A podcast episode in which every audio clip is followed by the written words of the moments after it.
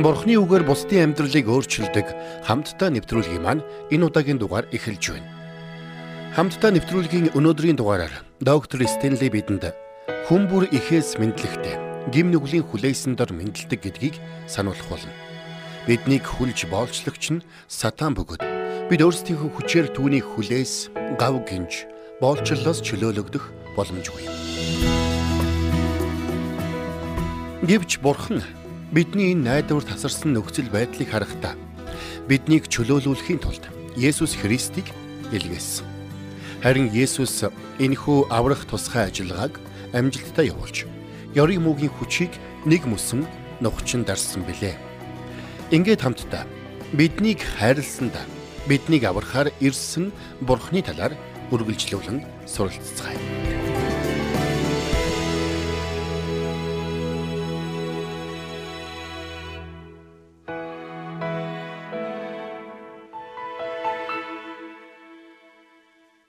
Библи гарч буй үнэн бүхнээс хамгийн агуу нь альвэ гэж асуувал би төгс ариун бурхан хүн төрлөختнийг хайрласанда цорын ганц хүүгээ загалмайн үхлээр өхүүлэхээр илгээсэн явдал юм а гэж хариулна.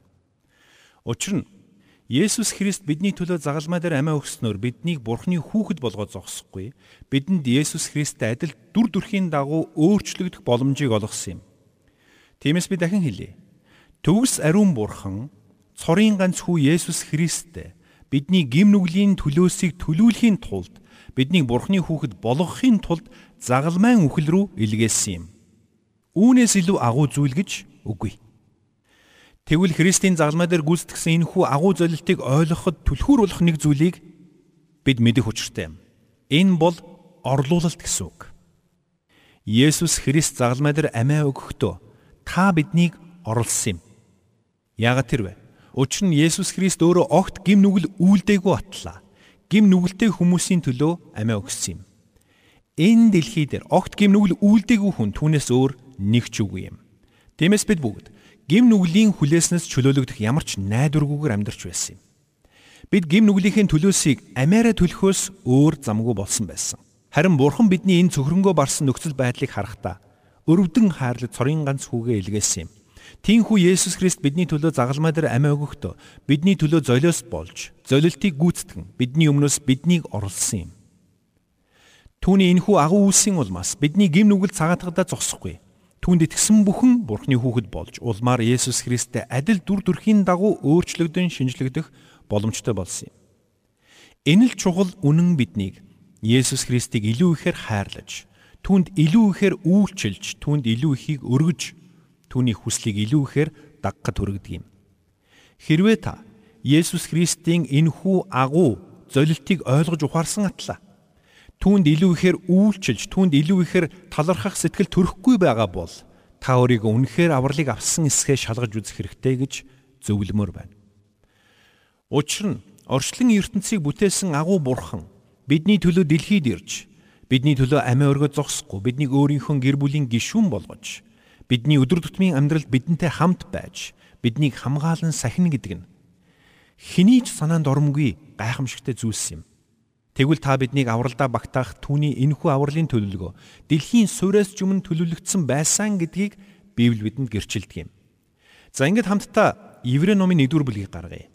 1-р бүлгийн 3-р эшлээс харах юм бол түүний цог жавхлангийн гээгээ түүний мөн чанарын бодит илрэл ба эрх мэдлийнх нь үгээр бүхнийг хүү барьдаг болоо. Тэр нүглийн ариусгалыг гүйцэтгээд өндөрт байгч сүр жавхлантын баруун гар талд залруу гэсэн байгаа. Библийн хэсэгт юуны тухай өгүүлсэн байна вэ? Хуучин гэрээний үед тахилч нар хүмүүсийн нүглийн төлөөх тахилыг бурханд өргөдөг байсан юм. Харин тэрүүн дахилч жилд нэг удаа бурхны сүмийн онцгой ариун газарт орж өөрийнхөө болон нийт Израиль үндэсний гим нүглийн төлөө онцгой дахилыг өргөдөг байсан юм. Тэгвэл энд юу гэсэн байна? Тэр нүглийн ариусгалыг гүйцэтгээд өндөрт байгч сүр жавхлантын баруун гар талд заларваа гэсэн байна. Энэ юуны тухай өгүүлж байна вэ? Үүнийг тодорхой болгохын тулд хамтдаа Еврей номын өөр нэгэн хэсгээс харъя. Учир нь энэ бол маш чухал ойлголт юм шүү. Еврей номын эхний хэсэгт Есүс Христ бол бидний агуу тэрүүн тахилч гэсэн санааг илэрхийлсэн байдаг.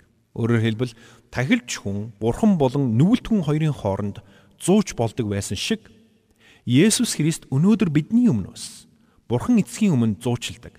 Тэрүүн тахилч юм. Ингээд хамтдаа Еврей номын 10 дугаар бүлгийн 9-с 12-ыг харъя. Есүс нэгсэн байна.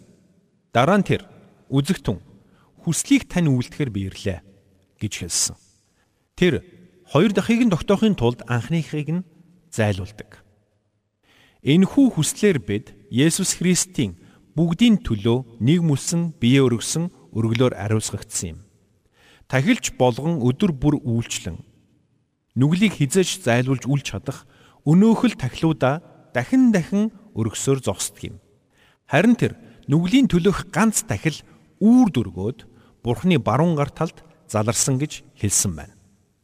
За тэгэхээр Есүс Христийн загалмайн үхэл нь ганц удаагийн үйлдэл байсан гэдгийг энд хэлсэн байна. Ингэхдээ тэр хүн төрлөختний гим нүглийн өрийг бүхэлд нь өөртөө авч тэр төлөөсийг төлсөн байна.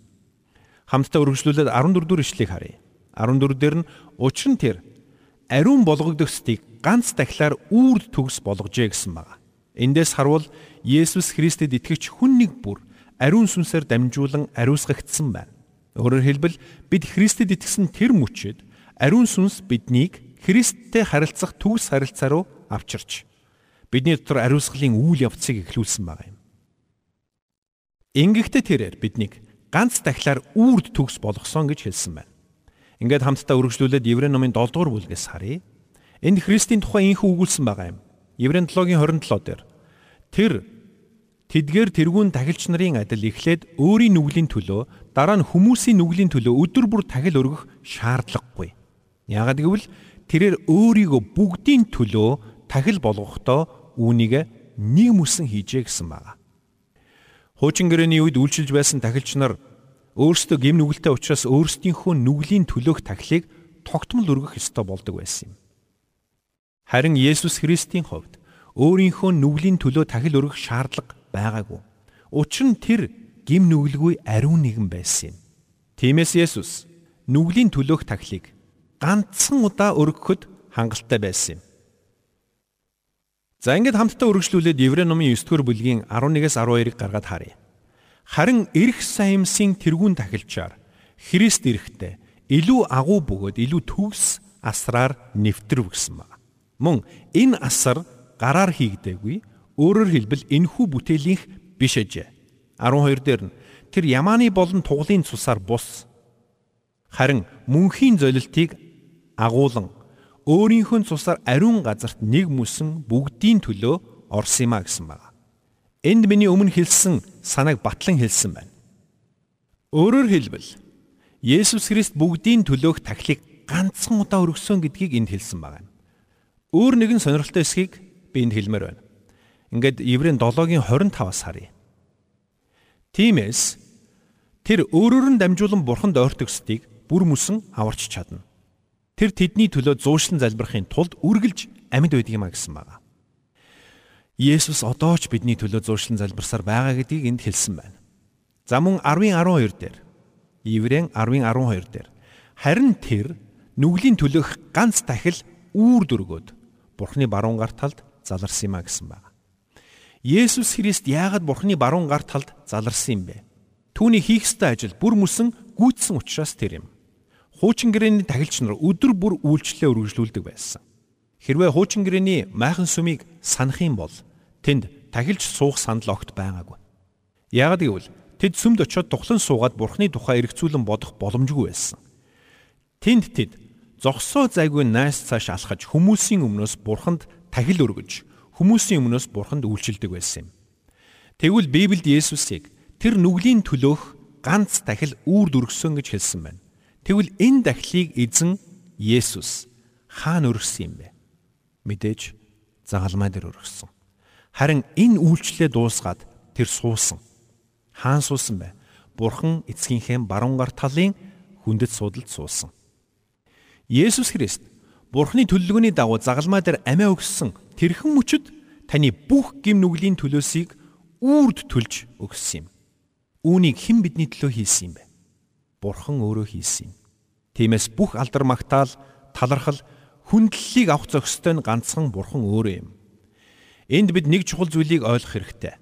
бидэнд хандсан Бурхны авралын агуу төлөлгөө нэг талаасаа бүрэн гүйцэлдсэн боловч а нөгөө талаас одоо ч үргэлжилсээр байгаа. Энэ нь юу гэсэн үг болохыг би танд тайлбарлаж өгье. Бидэнд хандсан Бурхны аврал бүрэн гүйцэлдсэн. Бас одоо ч үргэлжилсээр байгаа гэдэг нь яг юу гэсэн үг юм бэ?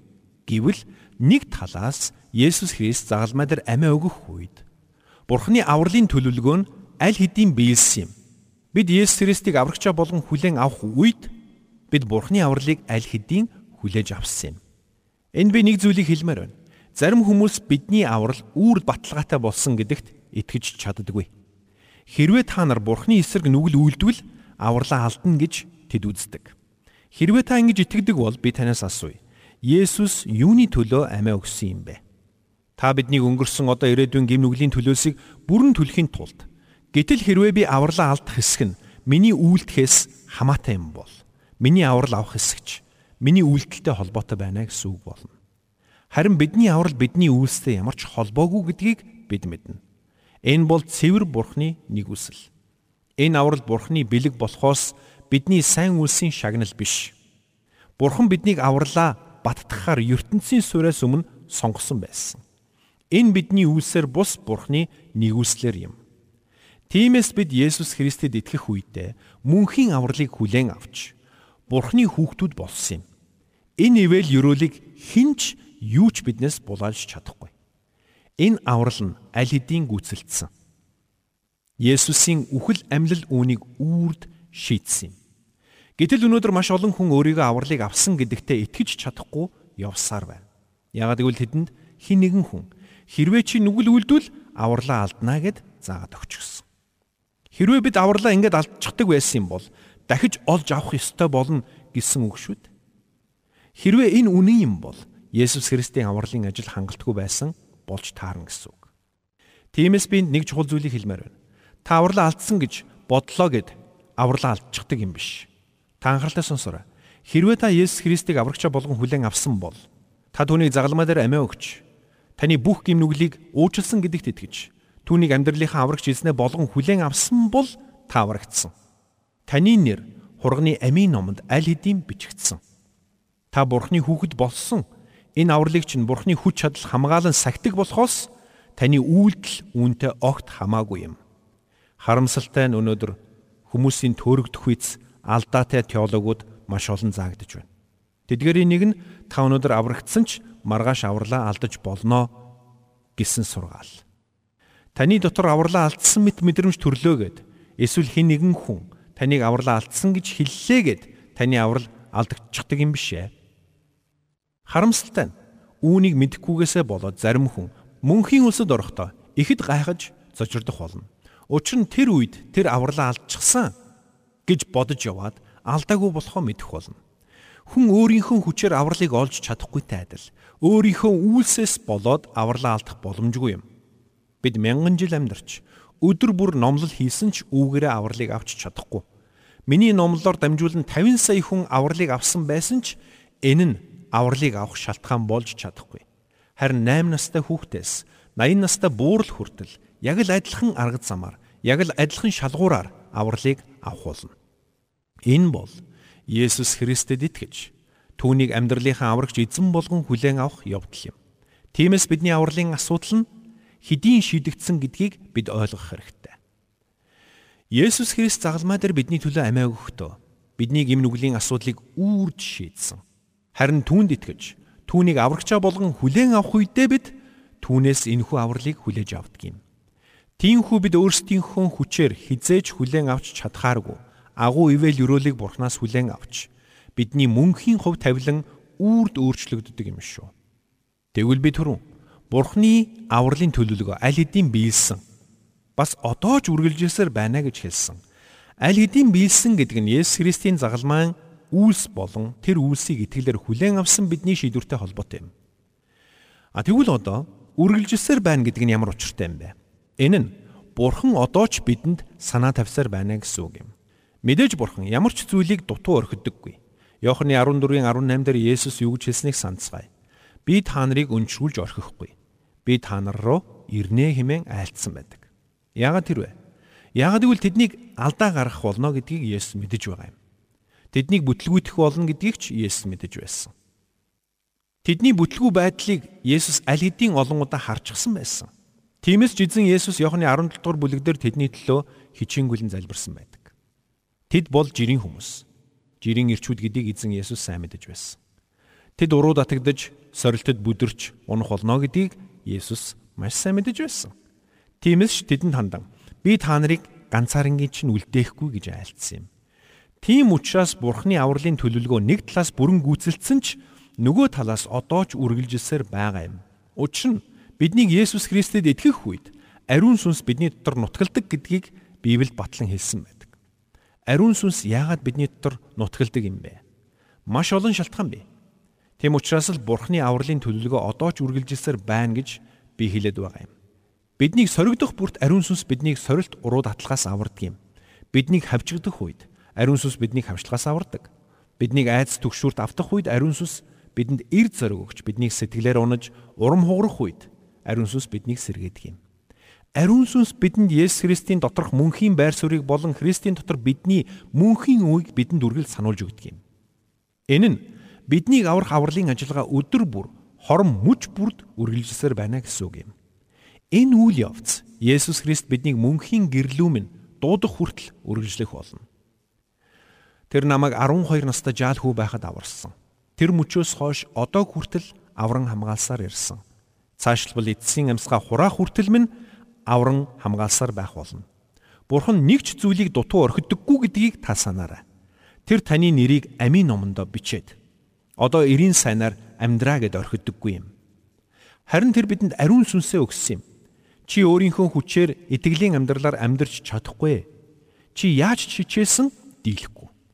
Тиймээс би чиний төлөө ариун сүнсээрээ чамтай хамт байж чамайг аварсаар, хамгаалсаар, тусалсаар, дэмжсээр байх болно гэж Бурхан бидэнд айлддаг юм. Библиэд ариун сүнсийг тайвшруулагч хэмээн нэрлсэн байдаг. Тэр биднийг сэтгэлийн их зовлон шаналлаас аварч биднийг тайвшруулдаг. Тиймээс таны амьдралд юу ч тохиолдсон бай, та нэг зүйлд бүрэн итгэлтэй байж болно. Таныг аварч, таны нэрийг хурганы амийн номонд бичиж, таны төлөө өөрийнхөө ганц хүүг загалмайд цовдлуулсан тэр Бурхан өнөөдөрч таны алхам бүрд тантай хамт байна. Таныг орой унтахад чинь, өглөө сэрхэд чинь тэр тантай хамт байдаг. Бүхий л өдрийн туршид тэр тантай хамт байж, таныг хайрлан хамгаалсаар байдаг юм. Эндээс би хамгийн сүүлийн чухал санааг хэлхийг хүсэж байна.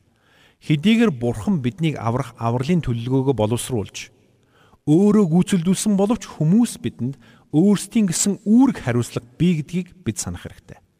Жишээ нь та ширүүн урсгалт голдуунаад урсаж явжээ гэж бодъё. Тэгэд би таныг олж хараад тань руу аврах цагираг шидэжээ гэж бодъё. Гэхдээ би тань руу аврах цагираг шидлээ гэд та шууд аврагдах уу? Үгүй ээ. Нэгдүгürt би таныг татан гаргаж чадна гэдэгт та надад итгэх хэрэгтэй. Хоёрдугаарт та тэр аврах цагирагаас өөрөө шүүрэн авах хэрэгтэй. Тэгж байж та аврагдах болно. Тэгвэл Есүс Христ бол Бурханаас хүн төрлөختн рүү шидсэн мөнхийн авралын цагираг гэдгийг та ойлгох хэрэгтэй. Амьдралын ширүүн урсгал дунд живж дуусхаас ч өмнө таныг аварч өөртөө хүлээн авахыг бурхан хүсдэг юм. Харин энэ авралыг хүлээн авахын тулд та юу хийх шаардлагатай вэ? Юуны түрүүнд та өөрийгөө аварч чадахгүй гэдгээ хүлээн зөвшөөрч танд Христийн аврал хэрэгтэй гэдгийг ойлгох хэрэгтэй. Хоёрдугаарт Голготын толгод дээр загалмайд цовдлогдсон Есүс Христийн үхэл таны бүх гим нүглийг бүхэлдэн цагаатгсан гэдэгт итгэж Есүс Христийг аврагч эзнээ болгон хүлээн авахыг хүсэх хэрэгтэй. Тин хүү Есүс Христийг аврагчаа болгон хүлээн авсан тэрхэн мөчөд та аврагдаж чөлөөлөгдөж Бурхны хүслийн дагуух нэгэн болон өөрчлөгдөхөд бэлэн болно гэсэн үг юм. Гэхдээ найз минь би танд нэг зүйлийг хэлье. Би чам руу бүхэл өдржин аврах цагирах шидсэн ч хэрвээ чи юунийг шүүрч авахгүй юм бол ямар ч нэмэргүй гэсэн үг. Тэгвэл Библиэд хэлэхдээ Есүс Христ энэ ертөнцийн гимнүглийн төлөө амиа өгсөн гэж хэлэхдээ хүн бүхэн автоматар аврагдана гэсэн санааг илэрхийлээгүй. Зөвхөн гараа сунган аврах цагирагнаас шүүрэн авсан хүн ширүүн урсгалт голоос аврагдагтай адилхан. Би гимнүгэлтэй надад найдвар алга, надад Есүс Христ хэрэгтэй.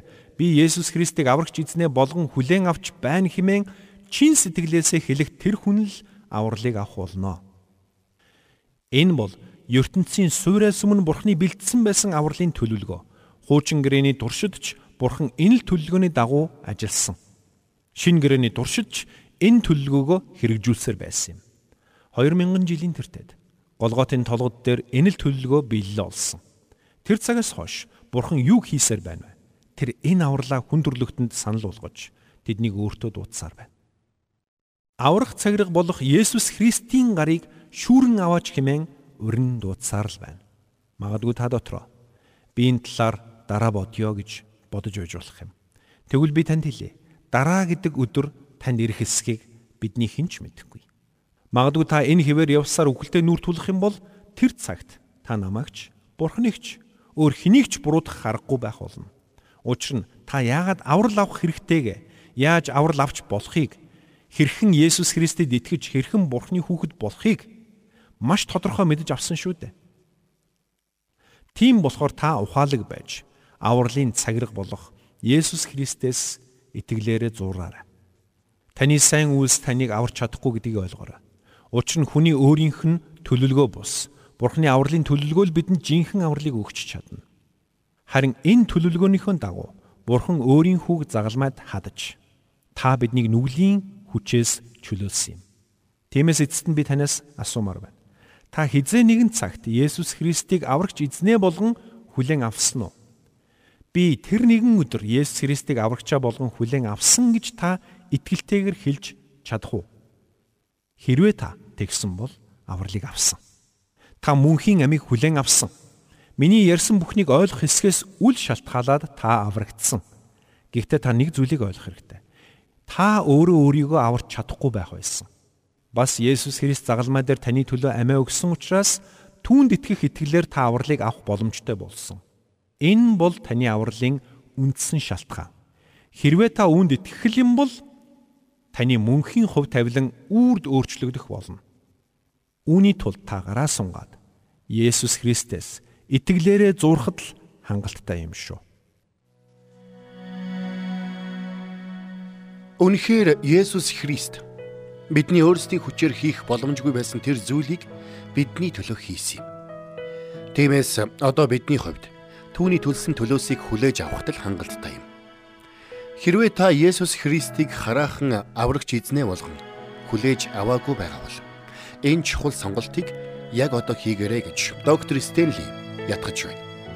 Есүс Христ таны төлөө загалмай дээр амиа өгч таны гим нүглийн төлөөсийг үрд төлсөн гэдэгт итгэж түүнийг амьдралынхаа аврагч эзнээ болгон хүлээн авах юм бол тэр мөчөөс эхлэн таны амьдрал төдийгүй мөнхийн хувь тавилан өөрчлөгдөх болно. Эфес 2-ын 1-ээс 5-д хэлэхдээ Та нар алдаа зөрчил нүглийнхээ учир үгсэн байсан агаад тийм амьдарч байхдаа энэ ертөнцийн замнал ба агаарын хүчний ноёр хогч дуулгаргүй хөвгүүдийн дотор ажиллагч тэр сүнсийг дагдаг байв. Тэдний дунд бид ч бас бүгдээрээ урд нь махбод болон оюун бодлын хүслүүдээ өөгшүүлэн мах бодынхон хүсэл тачаалуудаар амьдарч байв. Мөн төрлөх байдлаараа бусдын адил уур хилэнг нь хүртэх хүүхдүүд байсан ч биднийг хайрлсан авууга хайраараа өршөөлөөр баян бурхан маань алдаа зөрчил дотроо үхсэн биднийг Христтэй хамт амьд болгосон юм. Та нар нэгүслэр аврагдсан билээ гэсэн байдаг. Үнэхээр та Есүс Христ таны гим нүглийн төлөөсийг бүрэн төлсөн гэдэгт итгэж хүлээж авах юм бол Бурхан таныг гим нүглийн шийтгэлээс аврах болно. Энэ чухал шийдвэрийг өнөөдөр хийж амьдралаа цоо шинээр эхлүүлээрэй.